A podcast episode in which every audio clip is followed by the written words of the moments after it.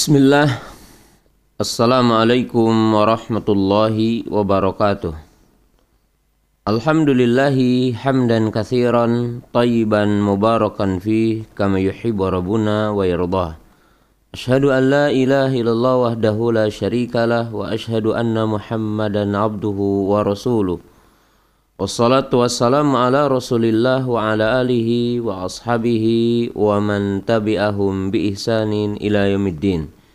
Ya ayyuhalladzina amanu taqullaha haqqa tuqatih wa la tamutunna illa wa antum muslimun. Kaum muslimin jamaah yang dimuliakan Allah taala para pendengar radio Ridul Jannah. Pada kesempatan pagi hari ini insyaallah sebagaimana kita telah mendengar dari Akh sebagai pembawa acara bahwa di kesempatan pagi hari ini kita sebenarnya masih akan meneruskan ya tentunya bahasan berkaitan dengan hukum-hukum yang penting berkaitan dengan bulan Zulhijjah. Dan kita akan mengetengahkan beberapa hadis ya, karena pelajaran kita adalah berkaitan dengan hadis-hadis Nabi Shallallahu Alaihi Wasallam pada kesempatan pagi hari ini pun insya Allah kita akan menjelaskan beberapa hadis seputar tentang apa bulan Julhijjah ini.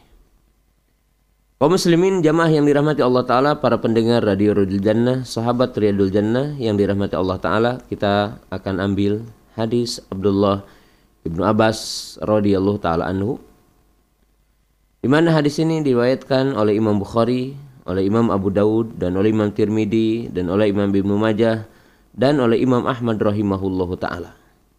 Baginda Nabi SAW bersabda, "Ma min ayyam ma min ayyamin al-amalu salihu fihinna ahabbu ilallahi minhu min hadhil ayyamil ashar." Qalu wal jihadu fi sabilillah qala wal jihadu fi sabilillah illa rajulun kharaja bi nafsihi wa malihi wa lam yarji min dzalika bi syai'in. Hadis yang semakna dengan ini tentunya ada beberapa riwayat dengan beberapa redaksi yang tentunya diriwayatkan oleh para ulama tentang hari-hari ini ataupun tentang seputar hadis ini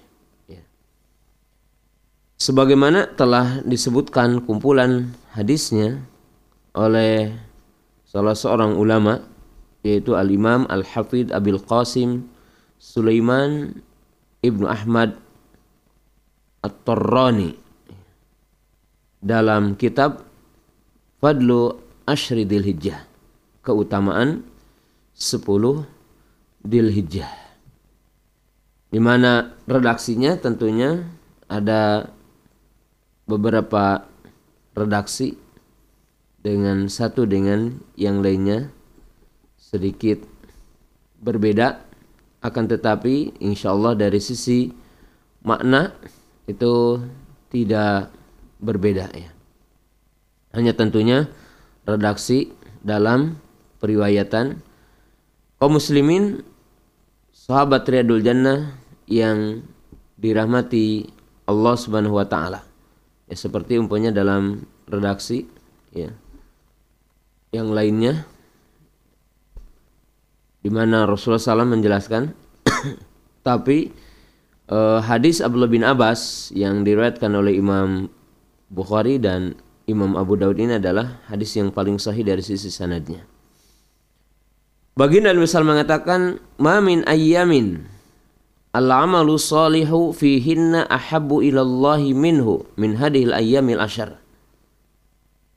Ya, tidak ada hari-hari yang amal soleh pada hari-hari tersebut lebih dicintai di sisi Allah dari hari-hari yang sepuluh. Lalu mereka bertanya, Qalu, bagaimana dengan jihad di jalan Allah? Maka Nabi SAW bersabda, tidak juga dengan jihad. Kecuali orang yang keluar dengan jiwa dan hartanya. Ya, orang yang keluar dengan jiwa dan hartanya yaitu berjihad di jalan Allah walam jarji min dalika sedangkan dia artinya tidak kembali dengan sesuatu apa pun artinya adalah mati syahid Hadis Abdullah bin Abbas ini hadis sahih dan memiliki makna yang sangat agung.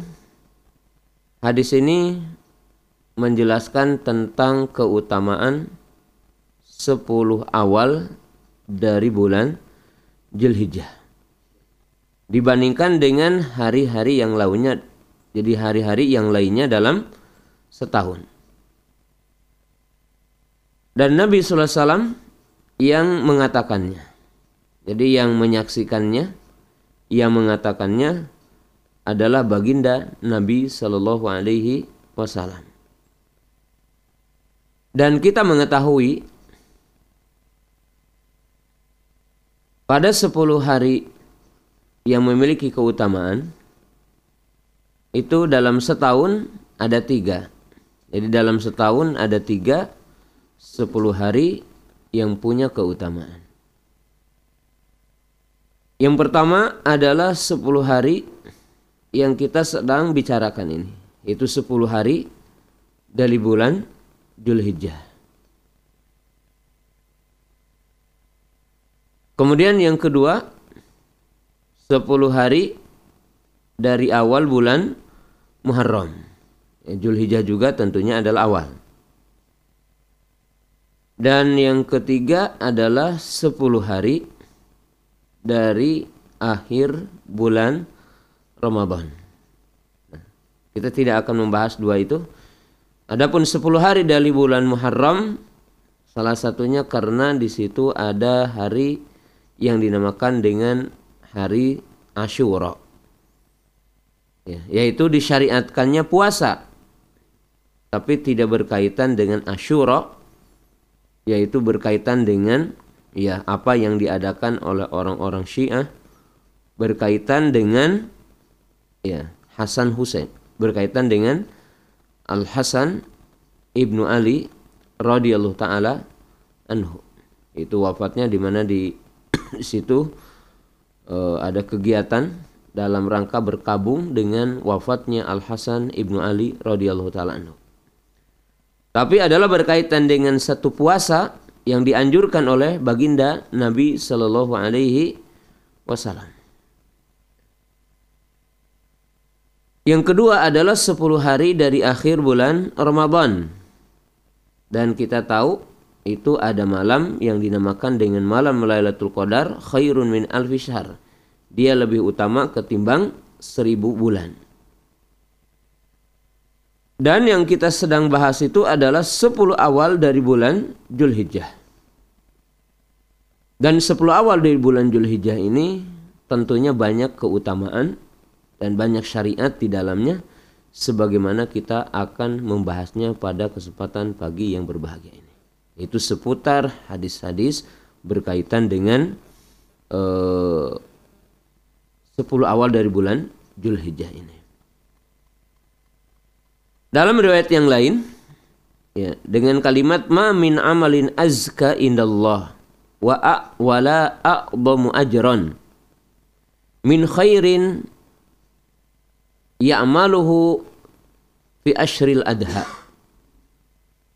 Di sini tentunya ada tasrih, ada sesuatu yang menunjukkan dijelaskan. Dijelaskan yang dimaksud 10 adalah 10 Idul Adha. 10 bulan Dhul Hijjah. Tidak ada amalan yang azka indallah. Yang di sini yang lebih bersih ataupun lebih ya tentunya dicintai dan lebih besar pahalanya dari kebaikan yang dilakukan pada 10 Julhijjah. Jadi 10 awal dari bulan ada. Lalu seseorang bertanya, ya, bagaimana dengan jihad di jalan Allah? Tidak juga dengan jihad di jalan Allah. Kecuali orang yang keluar dengan jiwa dan hartanya, lalu dia tidak kembali dari itu semula. Jadi di sini menunjukkan keutamaan 10 awal dari bulan Julhijjah.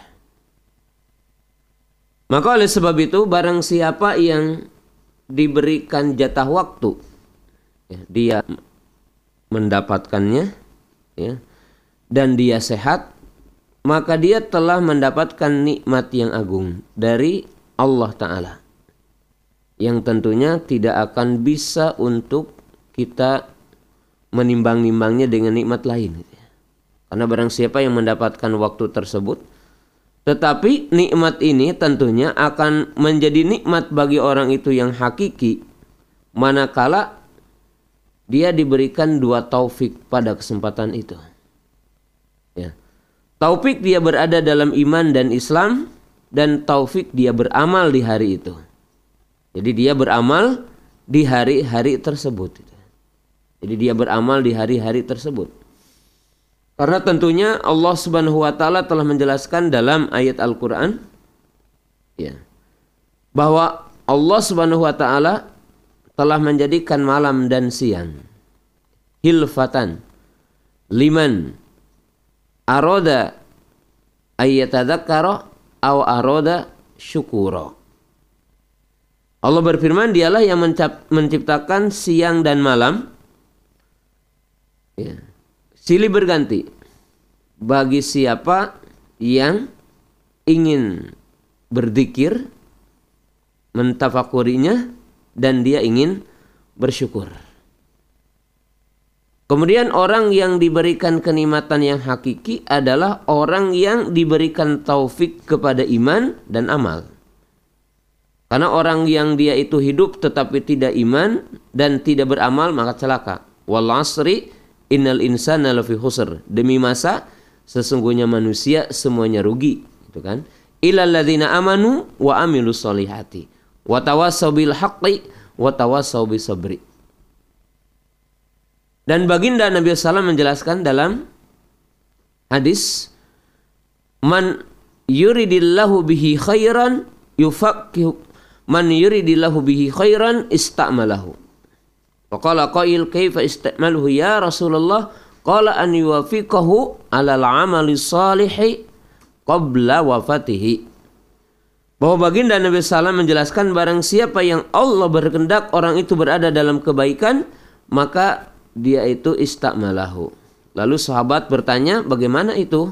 Maka Nabi SAW mengatakan Allah memberikan taufik untuk melakukan amal kebaikan sebelum wafatnya. Maka para pendengar yang dirahmati Allah Subhanahu wa taala, orang yang mendapatkan nikmat yang hakiki di 10 awal bulan Julhijjah tentunya yang dia sehat, yang dia itu hidup ya. Kemudian dia diberikan dua kebaikan, yaitu iman dan amal soleh. dan tentunya itu adalah satu kenikmatan. Ya. Kemudian dalam hadis ini menunjukkan bahwa amal-amal kebaikan, amal-amal soleh, itu dianjurkan dan pahalanya dilipat gandakan oleh Allah Taala. Ya, amal-amal kebaikan dianjurkan oleh Allah Taala dan pahalanya dilipat gandakan. Jadi pahalanya dilipat gandakan. Ya. Dan di sini dengan redaksi al-amalu salihu di mana para ulama mengatakan ini alnya menunjukkan lil istigrok. Jadi seluruh amal kebaikan. Dan yang dimaksud dengan amal soleh adalah fi'lu ta'ah. Bi fi'lil wajibat wa tarkil. Dan yang dimaksud dengan amal soleh adalah melaksanakan perintah menjauhi larangan. Jadi yang dimaksud dengan amal soleh melakukan uh, kebaikan dan meninggalkan larangan, melaksanakan perintah dan menjauhi larangan. Dan di sini maksudnya adalah umum, walaupun nanti kita akan perinci. Kemudian seseorang bertanya bagaimana dengan jihad? Maka Nabi SAW mengatakan tidak juga dengan jihad. Kecuali orang yang keluar berjihad di jalan Allah Subhanahu wa taala dengan jiwa dan hartanya. Ya. Lalu dia pulang dengan tidak membawa apa-apa dalam arti dia mati syahid ya. Jadi dia mati syahid. Dan kita tahu bahwa Allah taala akan berniaga ataupun kita berniaga dengan Allah taala. Jadi kita berjual beli dengan Allah taala. Jadi siapa yang banyak amal dan berniaga dengan Allah dia akan selamat. Ya. Kita kan berniaga, berniaga itu ada dua, berniaga dengan sesama manusia ya dalam urusan dunia, maka kadang untung kadang rugi ya. Dalam istilah kita kadang juga kita buntung. Tapi ada perniagaan yang tidak akan pernah rugi. Dan ini dicantumkan dalam tiga ayat dalam Quran. Ya, ada dalam tiga ayat dalam Quran. Yang pertama Allah berfirman dalam surah At-Taubah. Ya. Dan ini sesuai dengan tadi. Yaitu ayat 111. Inna Allah ashtara minal mu'minina anfusahum wa amwalahum bi jannah yuqatiluna fi sabilillah fayaqtuluna wa yuqtalun wa'dan alaihi haqqun fit tawrat wal injil wal quran wa man awfa bi ahdi minallah fastabshiru bi bayikum alladhi bayatum bihi wa dhalikal fawzul azim Sesungguhnya Allah telah memberi ya dari orang-orang beriman jiwa dan harta mereka bahwa bagi mereka adalah surga. Ya, jadi kita jual beli dengan Allah dengan membeli surga. Ya. Dengan apa? Dengan jiwa dan harta kita. Jadi berjuang dengan jiwa dan harta kita dalam semua areal yang dinamakan dengan jihad. Yang mencakup jihad itu adalah 13 tingkatan. Ya. Termasuk jihad mencari ilmu dengan jiwa dan harta kan. Ya, tidak hanya kita berperang melawan orang kafir. Tetapi berjihad dengan jiwa dan harta termasuk kita mencari ilmu. Termasuk kita berdakwah maka dengan jiwa dan harta. Ya ini adalah jual beli. Termasuk bagian yang kita akan bahas juga adalah berkurban. Itu adalah dengan harta dan jiwa. Kemudian dalam surah Saf ya Allah berfirman ya ayyuhalladzina amanu hal adzulukum ala tijaratin tunjikum min adzabin alim tu'minuna billahi wa rasulihi wa tujahiduna fi sabilillahi bi amwalikum wa anfusikum Zalikum khairulakum in kuntum ta'malun. Jadi berjual beli itu dengan kita beriman, dengan kita beriman kepada Allah, beriman kepada Rasul, ya, berjihad dengan jiwa dan harta. Kemudian berjihad itu dengan apa? E, tijarah itu dengan apa? Dengan Allah Taala. Nah, kita lihat dalam surah yang lain bahwa tijarah dengan Allah adalah tijarah dengan cara kita semua adalah membaca Al-Quran. Ya. Jadi kita membaca Al-Quran. Mentadaburi Al-Quran. Sebagaimana disebutkan dalam surah Fatir ayat 29. Innalladzina yatluna kitab Allah wa aqamus salata wa anfaqu mimma razaqnahum sirra wa alaniyah yarjuna tijaratan lan tabur. Sesungguhnya orang-orang yang membaca kitab Allah menunaikan salat, menunaikan zakat, berinfak, bersodakah dengan secara sembunyi-sembunyi ataupun terang-terangan, maka mereka itulah yang mengharapkan ya perjualbelian yang tidak akan pernah rugi ya. Kaum muslimin para pendengar yang dirahmati Allah Subhanahu wa taala. Nah, jadi ini hadis-hadis sangat agung sekali. Hadis ini menjelaskan bahwa keutamaan beramal pada 10 awal dari bulan Julhijjah. Yaitu semua amal. Ya. Dan amalan pada 10 awal bulan Julhijjah termasuk juga nanti di dalamnya adalah hari-hari tasyrik. Kalau kita kategorikan ada dua. Ada dua jenis amal.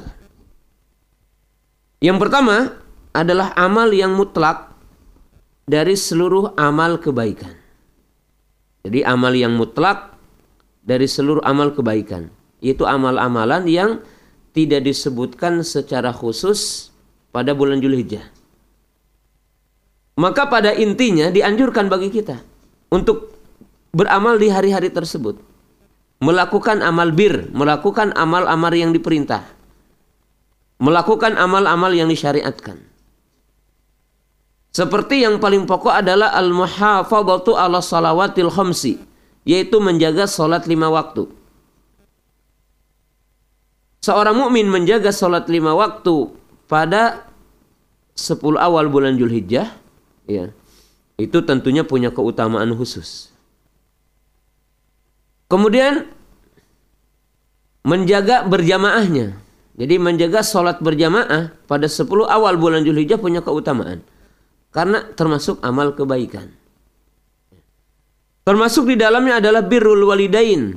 Berbakti kepada dua orang tua. Wasilatul arham. Menyambung silaturahmi. Ya. Wahusnul jirani. Dan berbuat baik kepada tetangga. Kemudian yang lainnya. Jadi ini adalah termasuk di dalamnya. Wa qiraatul Quran dan membaca Al-Quran.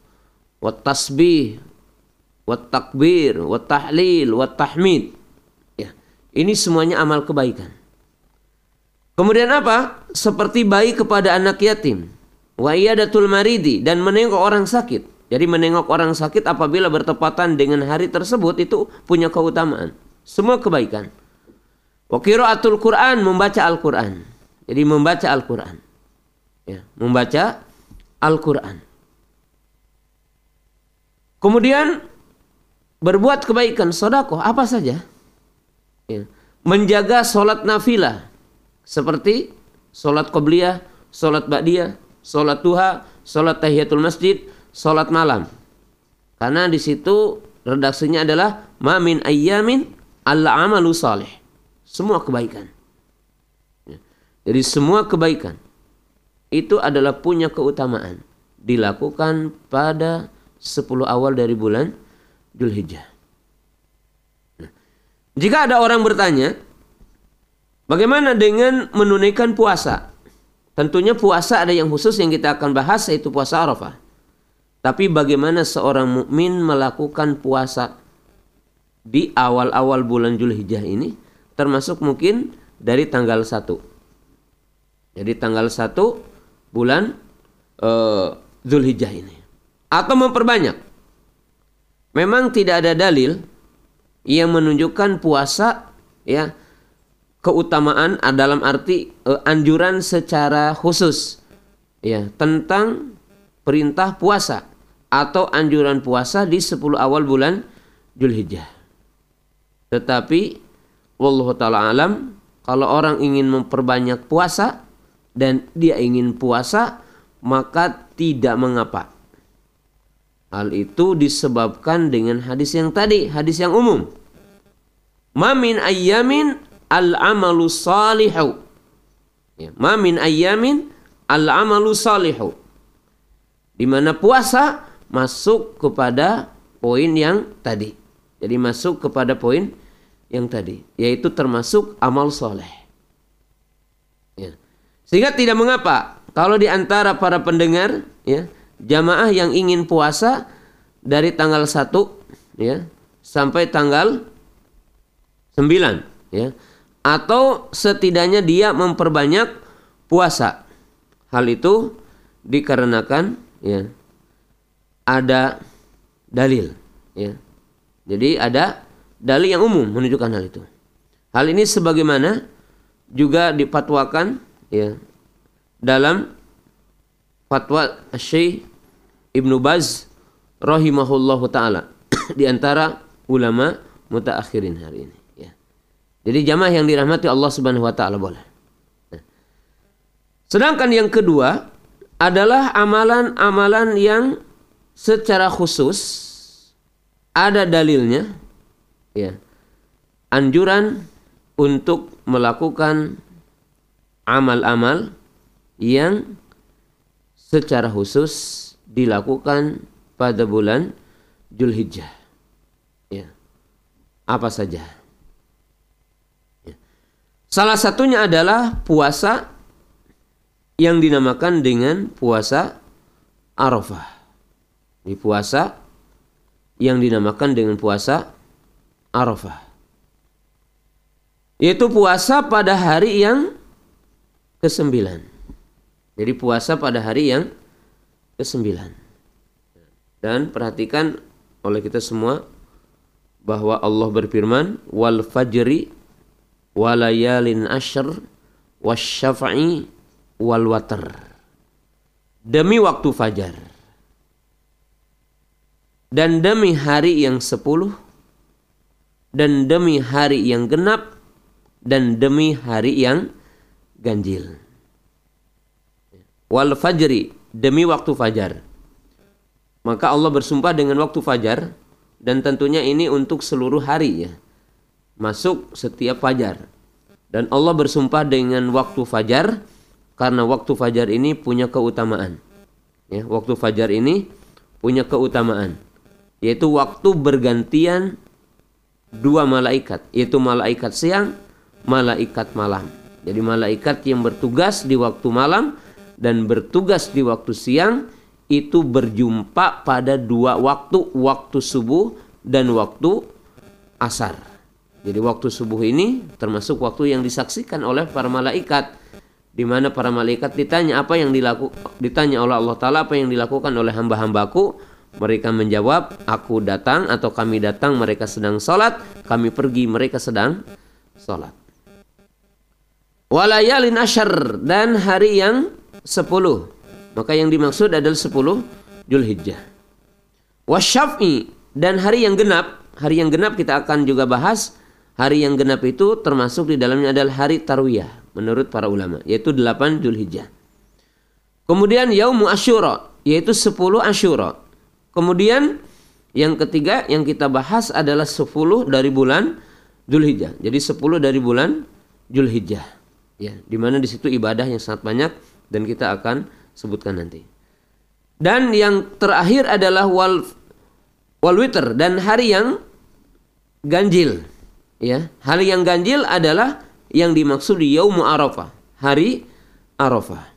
Dan Allah taala telah menyebutkan dengan sumpah ya, tadi wal witr dan hari yang ganjil.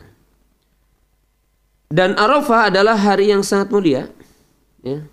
Bagi orang yang menunaikan haji, ya, waktu yang mustajab kita berdoa dikumpulkannya jamaah haji dalam hadis itu bahwa Arafah itu adalah hari pokoknya menunaikan ibadah haji.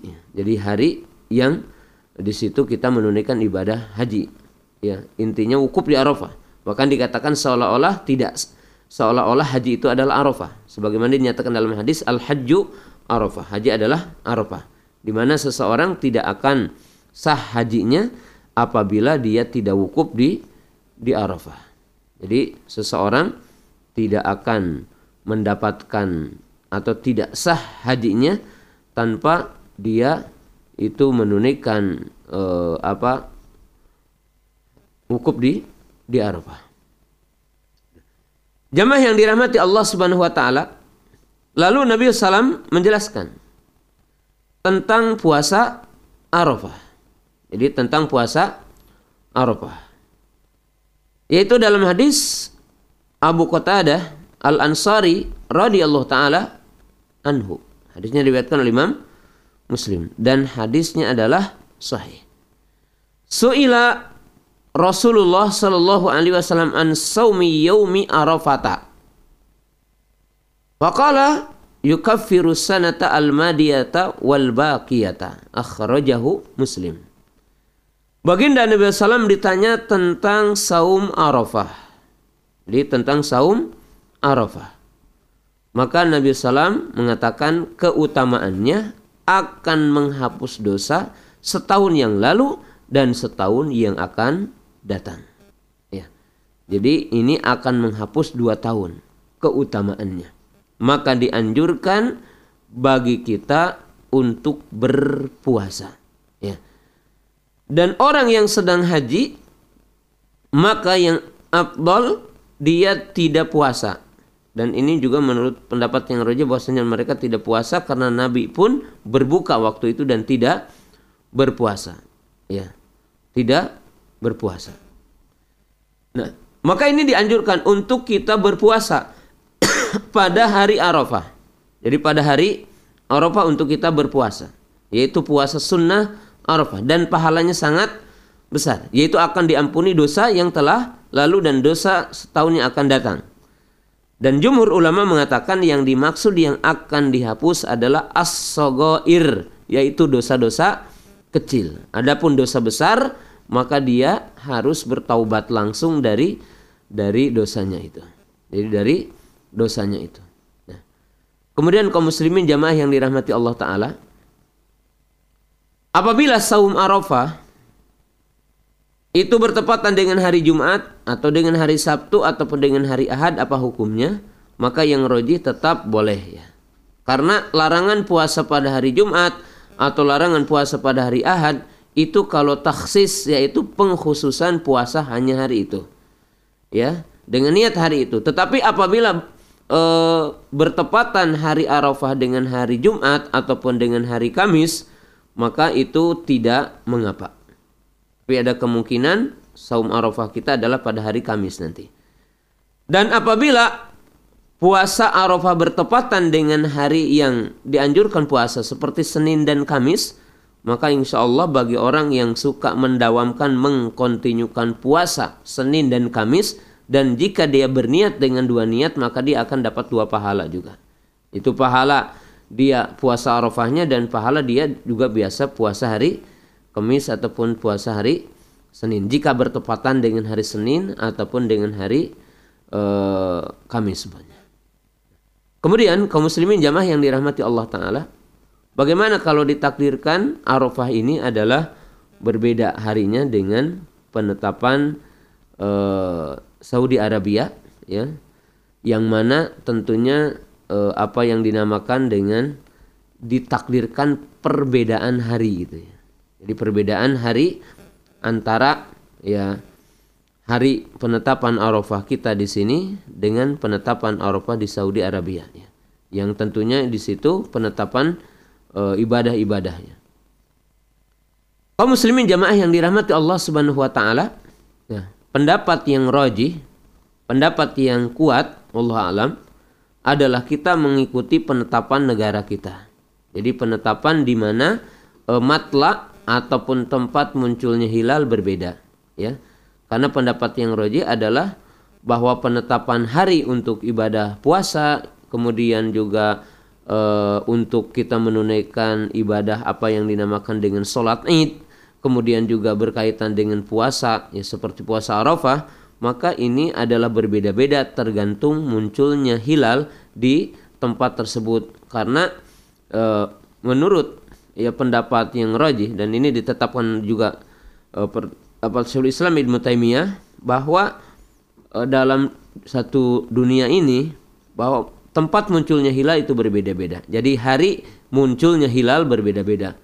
Maka tatkala Allah Ta'ala mengaitkan ibadah dengan munculnya hilal, maka tentunya berbeda satu tempat dengan tempat yang yang lainnya. Tetapi e, mudah-mudahan hari ini kita akan e, apa bersamaan ya. Dan menurut berita belum terlihat sehingga ada kemungkinan mereka pun akan sama dengan kita. Ya, dan kita tahu berdasarkan hadis yang kemarin idza ra'aitumuhu fasumu wa idza ra'aitumuhu fa'abtiru. Jadi hadis juga yang kemarin ya. Dan itu Allah alam pendapat yang lebih roji. Jadi pendapat yang lebih kuat ya. Kemudian kaum muslimin jamaah yang dirahmati Allah Subhanahu wa taala ya.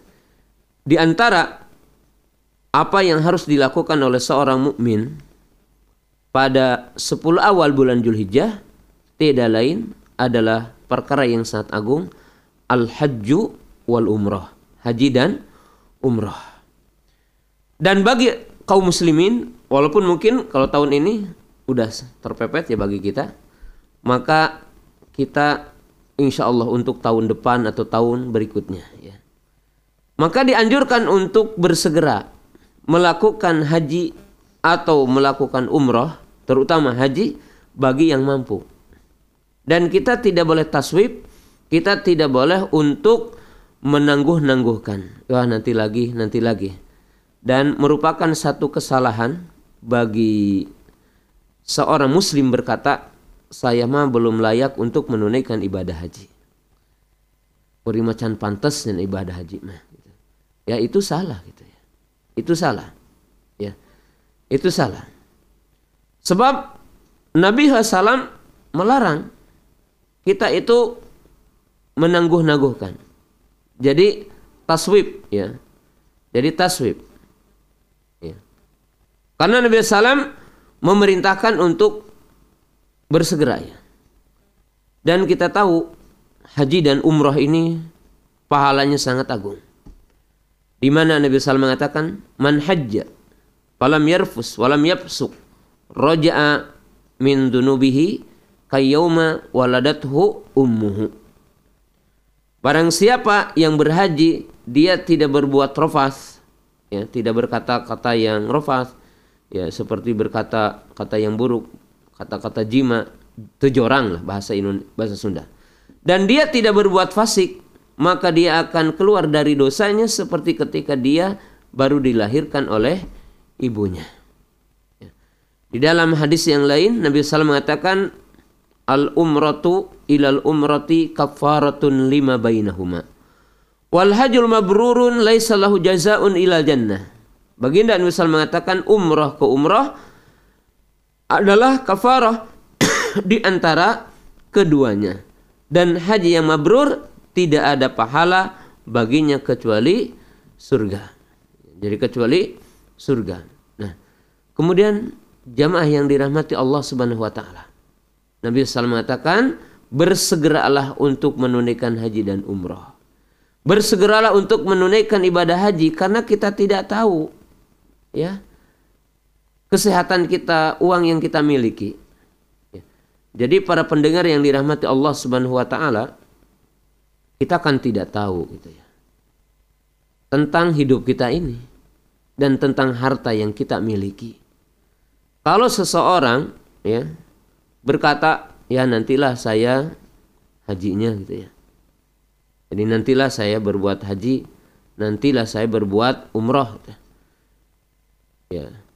Maka ketahuilah bahwa kita itu tidak tahu kesehatan kita kita tidak tahu harta yang kita miliki. Apakah tetap akan ada di kita atau bagaimana? Padahal Nabi SAW mengatakan igtanim khamsan qabla khamsin. Baginda Nabi SAW mengatakan ya optimalkanlah atau bersegeralah kepada lima perkara sebelum datangnya lima perkara yang lain. Apa kata beliau? Ya. Sababaka qabla haramika. Masa mudamu sebelum datang masa tuamu. Ya. Sihataka qabla marodika. Waktu sehatmu sebelum waktu sakitmu. Ginaka qabla fakrika. Waktu kaya sebelum datang waktu miskin. Faragoka qabla syaglika waktu senggangmu sebelum datang waktu sibuk. Wahayataka qabla mautika dan waktu hidupmu sebelum datang kematian. Nah, orang akan menyesal ketika orang melalaikan lima perkara, datang lima perkara yang merupakan lawannya. Ya, dia akan menyesal.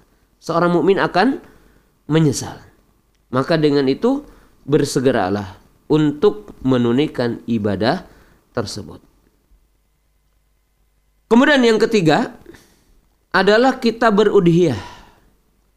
Kita adalah berkurban. Ya. Berkurban dengan salah satu di antara binatang.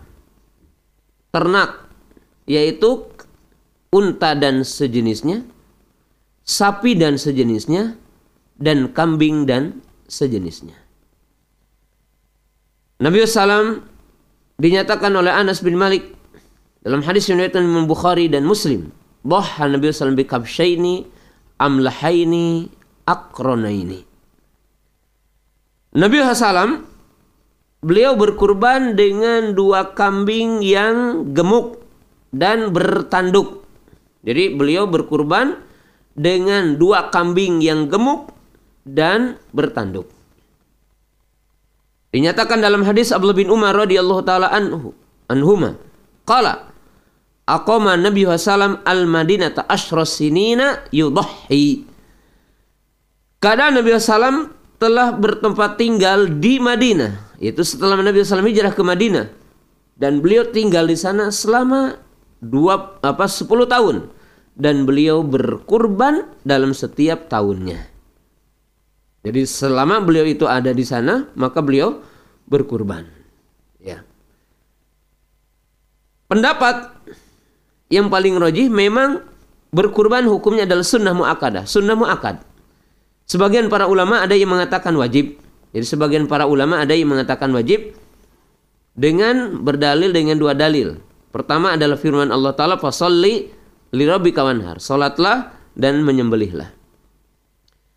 Ada juga yang berdalil dengan hadis man kana lahu si'ah fala walam yadbah fala yaqrabanna masajidana. Barang siapa yang memiliki keleluasaan yaitu pada bulan Julhijjah ini pada tanggal 10 bulan Julhijjah dan dia tidak berkurban maka jangan dekat-dekat dengan masjid kami. Jadi jangan dekat-dekat dengan masjid masjid kami. Maka di sini menunjukkan ada yang mengatakan wajib. Tapi yang rojib Allah alam karena hadisnya dhaif ya. Kemudian firman Allah taala fasali lirabbika wanhar ini adalah perintah ikhlas ya. Jadi perintah ikhlas perintah untuk berkurban dengan ikhlas perintah salat untuk ikhlas ya. Tetapi pendapat yang roji jumhur ulama adalah sunnah muakkadah, sunnah yang dikuatkan. Nah, Nabi SAW beliau berkurban dengan kambing yang gemuk, menunjukkan kita jangan memilih kambing yang e, dagingnya sedikit ya, ataupun yang yang begang dalam orang Sunda, yang yang apa? Yang kurus, tetapi yang gemuk ya, yang dagingnya itu ada gitu ya. Akrono ini dan apa? Bertanduk. Menunjukkan yang abdol adalah jantan dan betina boleh insya Allah. Kemudian menunjukkan bahwa berkurban itu setiap tahun bagi yang mampu. Jadi jangan begini. Ayo bu, kurban.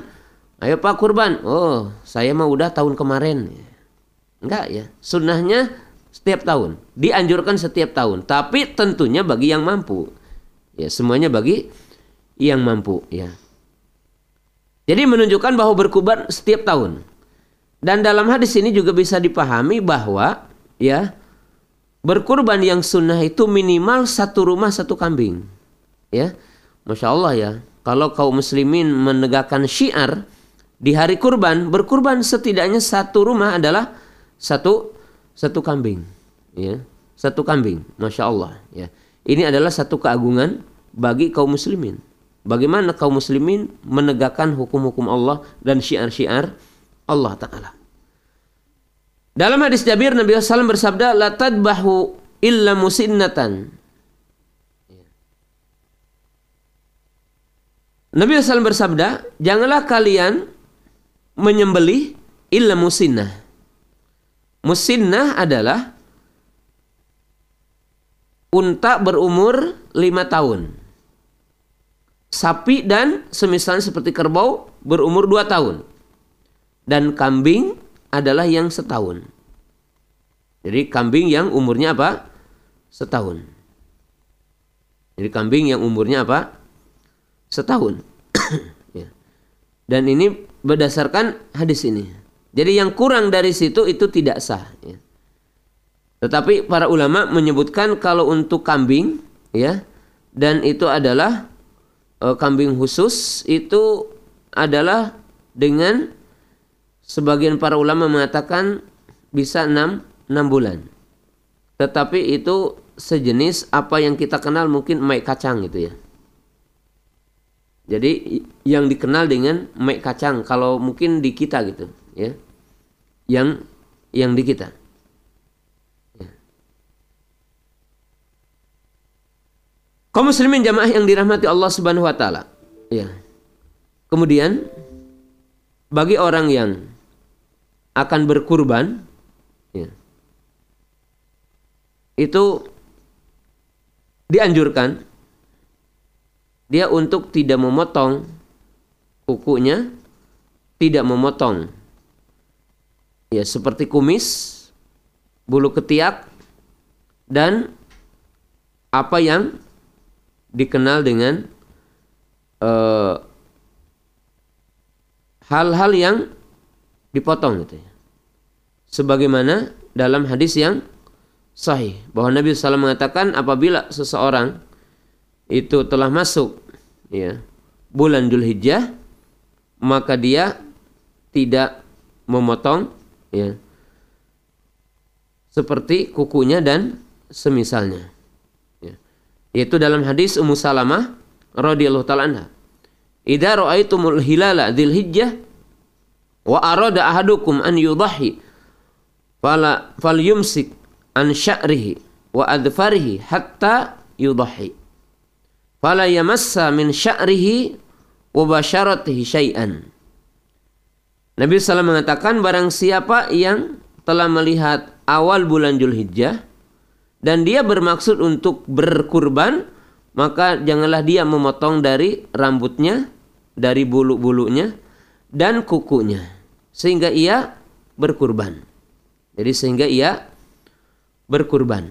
Nah, berarti di sini adalah anjuran, ya. Anjuran. Untuk orang yang berkurban, ya.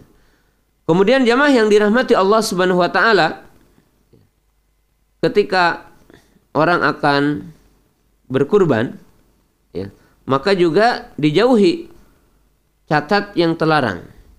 Di mana Nabi Sallam mengatakan ada empat yang tidak boleh disembelih. Yang pertama al auraul bain, auruha, yaitu yang matanya picak dengan picak yang jelas. Wal maridatul bayin marudoha, yaitu kambing atau sapi yang sakit. Ya. Kemudian al arja al bayin, dolauha, yaitu orang yang apa maaf kambing ataupun kerbau atau sapi atau unta yang uh, pincang. Artinya yang pincang, yang uh, kakinya umpamanya apa? Ka, uh, pincang, satu atau dua. Wal kasiratul latila tunki, yaitu apa? Yang patah itu ya, patah apanya saja itu. Maka ini adalah tidak boleh ya, tidak tidak boleh.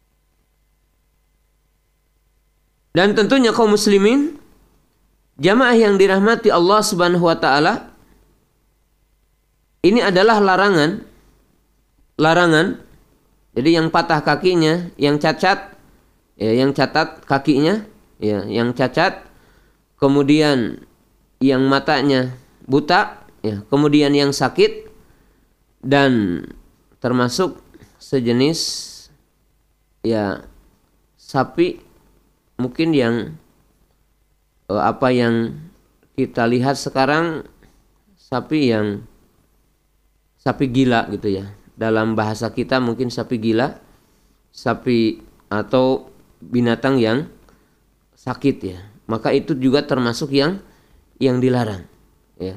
Jadi yang yang dilarang. Kemudian bagi orang yang akan menyembelih dan abol kalau bisa disembelih sendiri ya Sebagaimana dalam hadis Anas bin Malik, kalau bahwa Nabi SAW bikabshaini amlahaini amqroini. Dabahuma biyadihi wasamma wa kabbara wa wada'a rijlahu ala sifahima. Bahwa Nabi SAW berkurban dengan dua kambing yang gemuk dan bertanduk. Beliau menyembelihnya sendiri. Kemudian ketika beliau menyembelih menyebutkan nama Allah dan bertakbir yaitu bismillah Allahu akbar. Bismillah Allahu akbar. Lalu meletakkan kakinya ya pada bagian badan kambing itu ya. Yaitu bagian dekat ke dekat kepalanya ya. Jadi itu dekat lehernya maksudnya. Itu dekat lehernya. Dan itu apa? Dianjurkan dalam satu riwayat Nabi SAW mengatakan Allahumma taqabbal minni wa min ahli wa min ummati lam yudahi.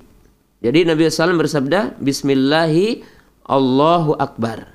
Ya, itu adalah zikirnya dan beliau berdoa Allahumma taqabbal minni wa min ummati. Ya Allah terimaku, terima dariku dan dari umatku, dari keluargaku dan dari umat yang belum berudhiyah. Maka di sini menunjukkan apabila orang berkurban satu rumah, ya, satu ekor, dai, maka seluruh rumah akan dapat pahala ya. Jadi akan dapat pahala ya. Artinya bersyarikat dari sisi pahalanya. Dari sisi pahala. Apakah kita boleh berkurban untuk yang telah meninggal dunia? Artinya pahalanya di dikhususkan untuk yang meninggal dunia. Wallahu taala alam. yang abdol kita sertakan ya. Artinya tidak sendiri, tidak dihususkan. Maka dengan doa yang tadi Nabi SAW berdoa, Allahumma taqabbal minni wa min ahli.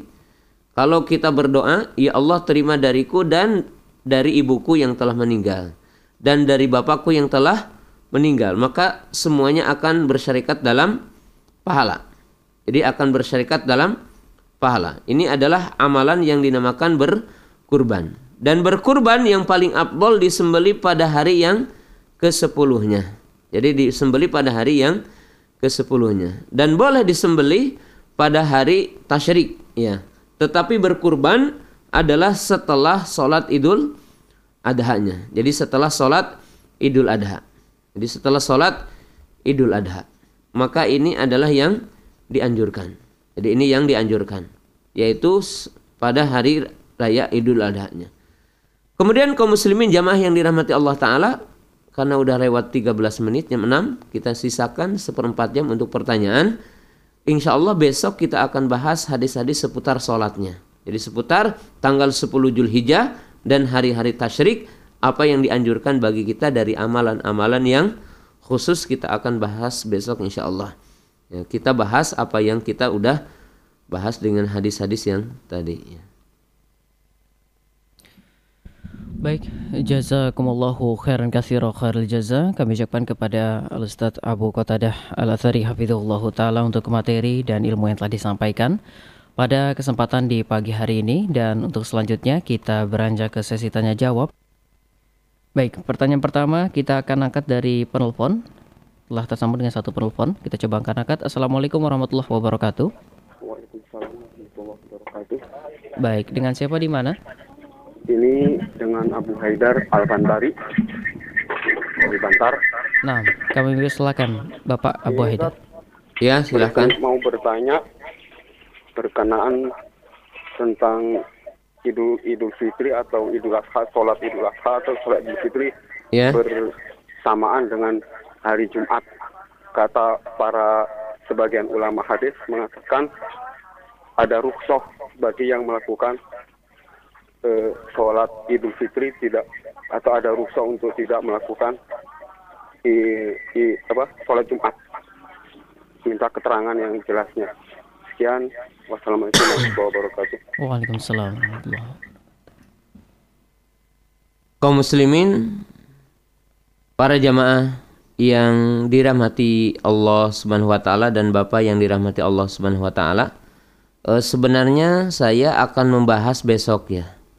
Ya, akan membahas besok tentang e, salat hari raya apabila bertepatan dengan hari Jumat ya. Maka secara ringkas apabila sholat idul adha atau sholat idul fitri bertepatan dengan hari Jumat maka ada rukhsah untuk tidak sholat Jumat. Tetapi baginya jika tidak sholat Jumat maka baginya mesti sholat zuhur. Jadi mesti sholat duhur. Walaupun memang di sini terjadi perbedaan di antara para ulama ya. Jadi terjadi perbedaan di antara ulama ya.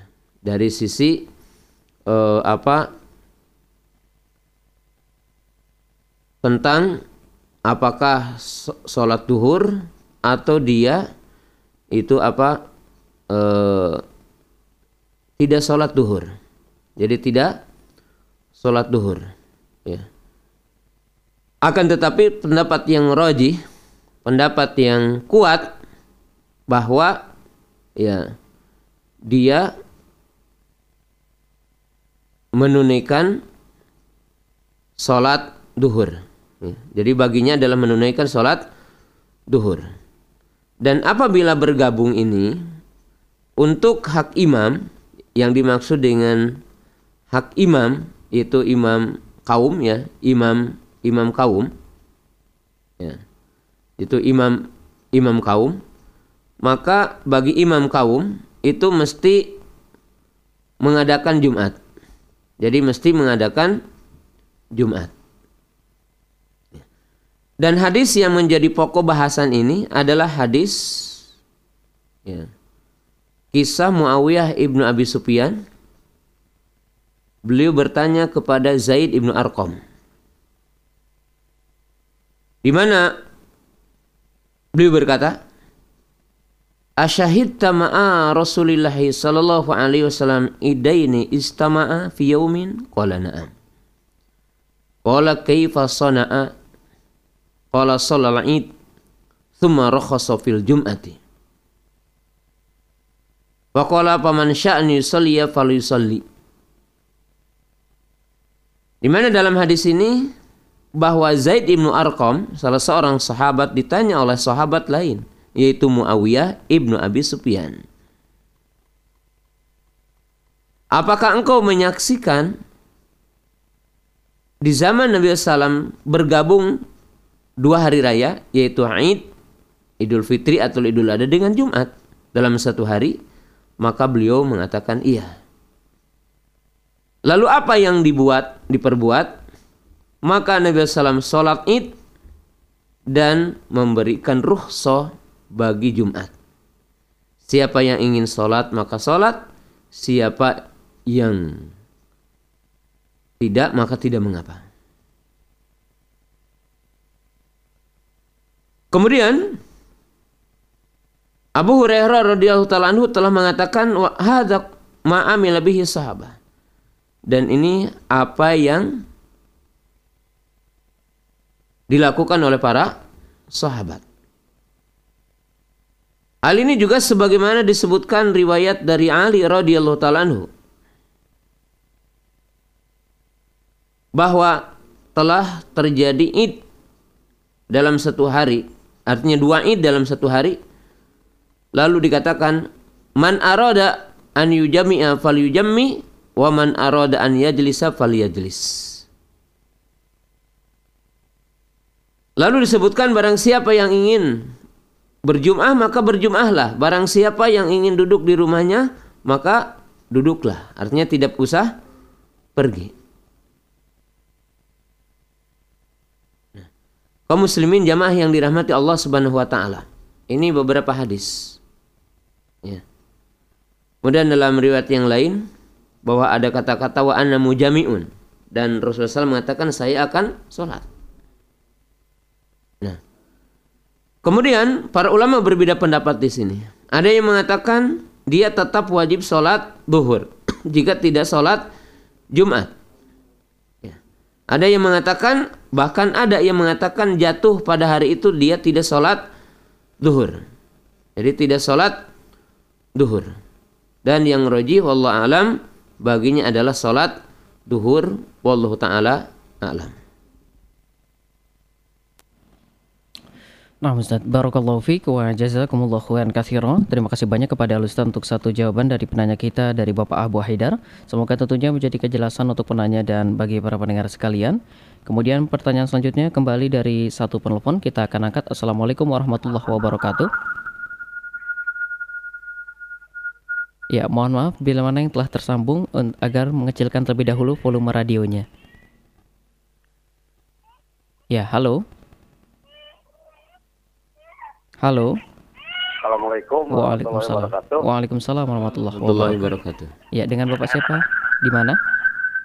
Uh, Bapak Jidan. Ya, kami ya, silakan Bapak Jidan dengan pertanyaannya. Uh, bagaimana kalau umpamanya uh, sapi yang dibawa itu tadinya nggak pincang, tapi karena jatuh mungkin terus pincang apa itu harus diganti sementara uang nggak ada lagi umpamanya gitu. Nah. Ya cuma, cuma segitu aja. Ya. Jazakallah ya. khairan. Afwan wa iya. Oh, jatuhnya di hari H gitu. Ya? pas mau potong. Kalau pas mau potong, Allah alam itu tidak termasuk cacat yang dimaksud dalam hadis ya. Ketika pas mau potong kemudian uh, patah ataupun Iya tadi patah kakinya Allah alam insya Allah tetap sah ya. Jadi tetap insya Allah tetap sah. Allah alam. Nah Ustaz. Jazakumullah khairan katsiran. Terima kasih kepada Ustaz untuk satu jawaban kembali dari uh, jawaban untuk penanya kita dari Bapak Jidan di Ciberem. Semoga menjadi kejelasan untuk penanya dan pendengar sekalian. Baik, pertanyaan selanjutnya kita akan bacakan terlebih dahulu dari pesan singkat melalui WhatsApp. Assalamualaikum warahmatullahi wabarakatuh dari Ummu Abdillah di Raja Pola. Ustadz mana yang lebih afdol menitipkan hewan kurban di masjid dekat rumah tapi belum uh, sunnah atau di lembaga atau masjid yang sudah mengikuti sunnah Ustadz? Syukran jazakumullah khairan kathiro. Ya hukum asal bahwa kita berkurban itu yang dekat dengan kita ya. Ya, karena tentunya berkurban ini adalah untuk kita dan berkurban ini adalah untuk orang-orang terdekat ya. Jadi untuk orang-orang apa? terdekat itu. Itu adalah tentunya yang yang utama bagi kita dalam berkurban itu ya. Maka jamaah yang dirahmati Allah Subhanahu wa taala ya berkurban yang paling pokok adalah sembelihan di hari raya gitu ya. Sembelihan di hari raya dan tentunya ya bacaannya sederhana. Ya tadi dikatakan menyembelih dengan mengatakan bismillahi Allahu akbar. Dan tidak ada bacaan yang lain kecuali doa juga yang sangat sederhana sekali Allahumma taqabbal minni wa min ummati ya Allah terimalah dariku dan dari umatku ataupun dari keluargaku ya kemudian menyembelih ya dibagikan dagingnya ya dan pengurban dianjurkan untuk makan ya Bahkan sebagian para ulama ada yang mengatakan sampai wajib ya. Setidaknya pendapatnya adalah mustahabnya. Hukumnya adalah mustahab. Jadi hukumnya sunnah untuk memakan bagian dari daging kurban itu ya. Allah taala. Nah, barakallahu fiik wa jazakumullah khairan katsiran kepada Al-Ustaz dan semoga menjadi kejelasan kembali untuk menanya kita dari Ummu Abdillah di Raja Polah untuk jawabannya.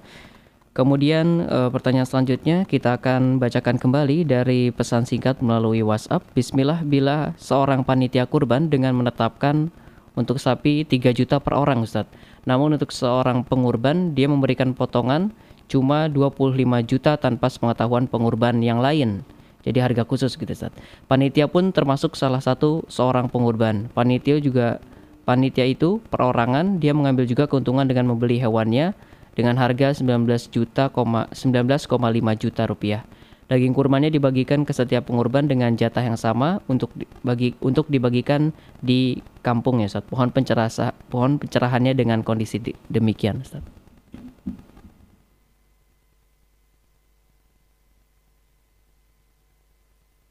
Iya. Mengambil untung dari jual beli gitu ya. Ya kalau mas masalah mengambil untung asal jelas saja gitu kan. Asal jelas gitu. Siapa pembelinya? Ya. Siapa pembelinya gitu. Jadi kalau ada panitia kurban ya. Kalau jual beli ya siapa pun boleh gitu dapat keuntungan. Cuma kalau sekarang gitu ya uh, umpamanya uang 21 juta ternyata belinya yang 19 juta ya tidak boleh gitu ya harus beli yang 21 juta karena itu kan tidak amanah.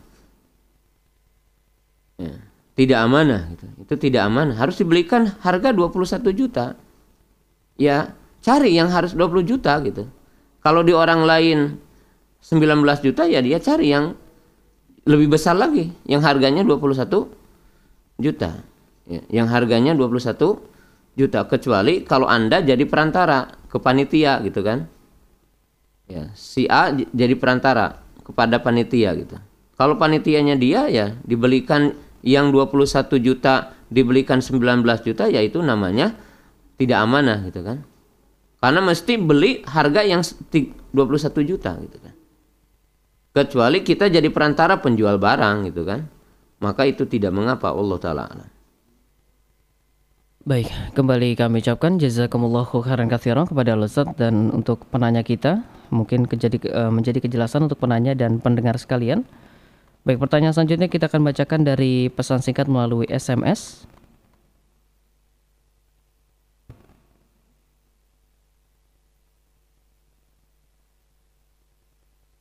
Nah, Assalamualaikum warahmatullahi wabarakatuh dari Ibu Oom di Raja Polah kembali. Pak Ustadz, apakah boleh kalau kita berkurban atas nama keluarga saja Ustadz, bukan atas nama seseorang di dalam keluarga kita Ustadz? Terima kasih atas pencerahan. Ya itu yang sunnah ya. Jadi yang sunnah atas nama keluarga. Tentunya yang dinamakan atas nama keluarga ya pemimpinnya. Pemimpinnya. Dan semua keluarga akan dapat pahala insya Allah. Jadi bersyarikat dalam pahala. Bukan berarti satu sah untuk semua. Enggak ya. Tapi pahalanya. Karena pahala itu bersyarikat, tidak mesti. Ya. Seperti kita melakukan kebaikan kan orang tua juga akan mendapat pahala mengalir dari pahala kita. Hatta kita berkurban tanpa meniatkan untuk orang tua kita yang telah meninggal, manakala anak seorang muslim itu beramal kebaikan, maka akan mengalir kepada orang tuanya.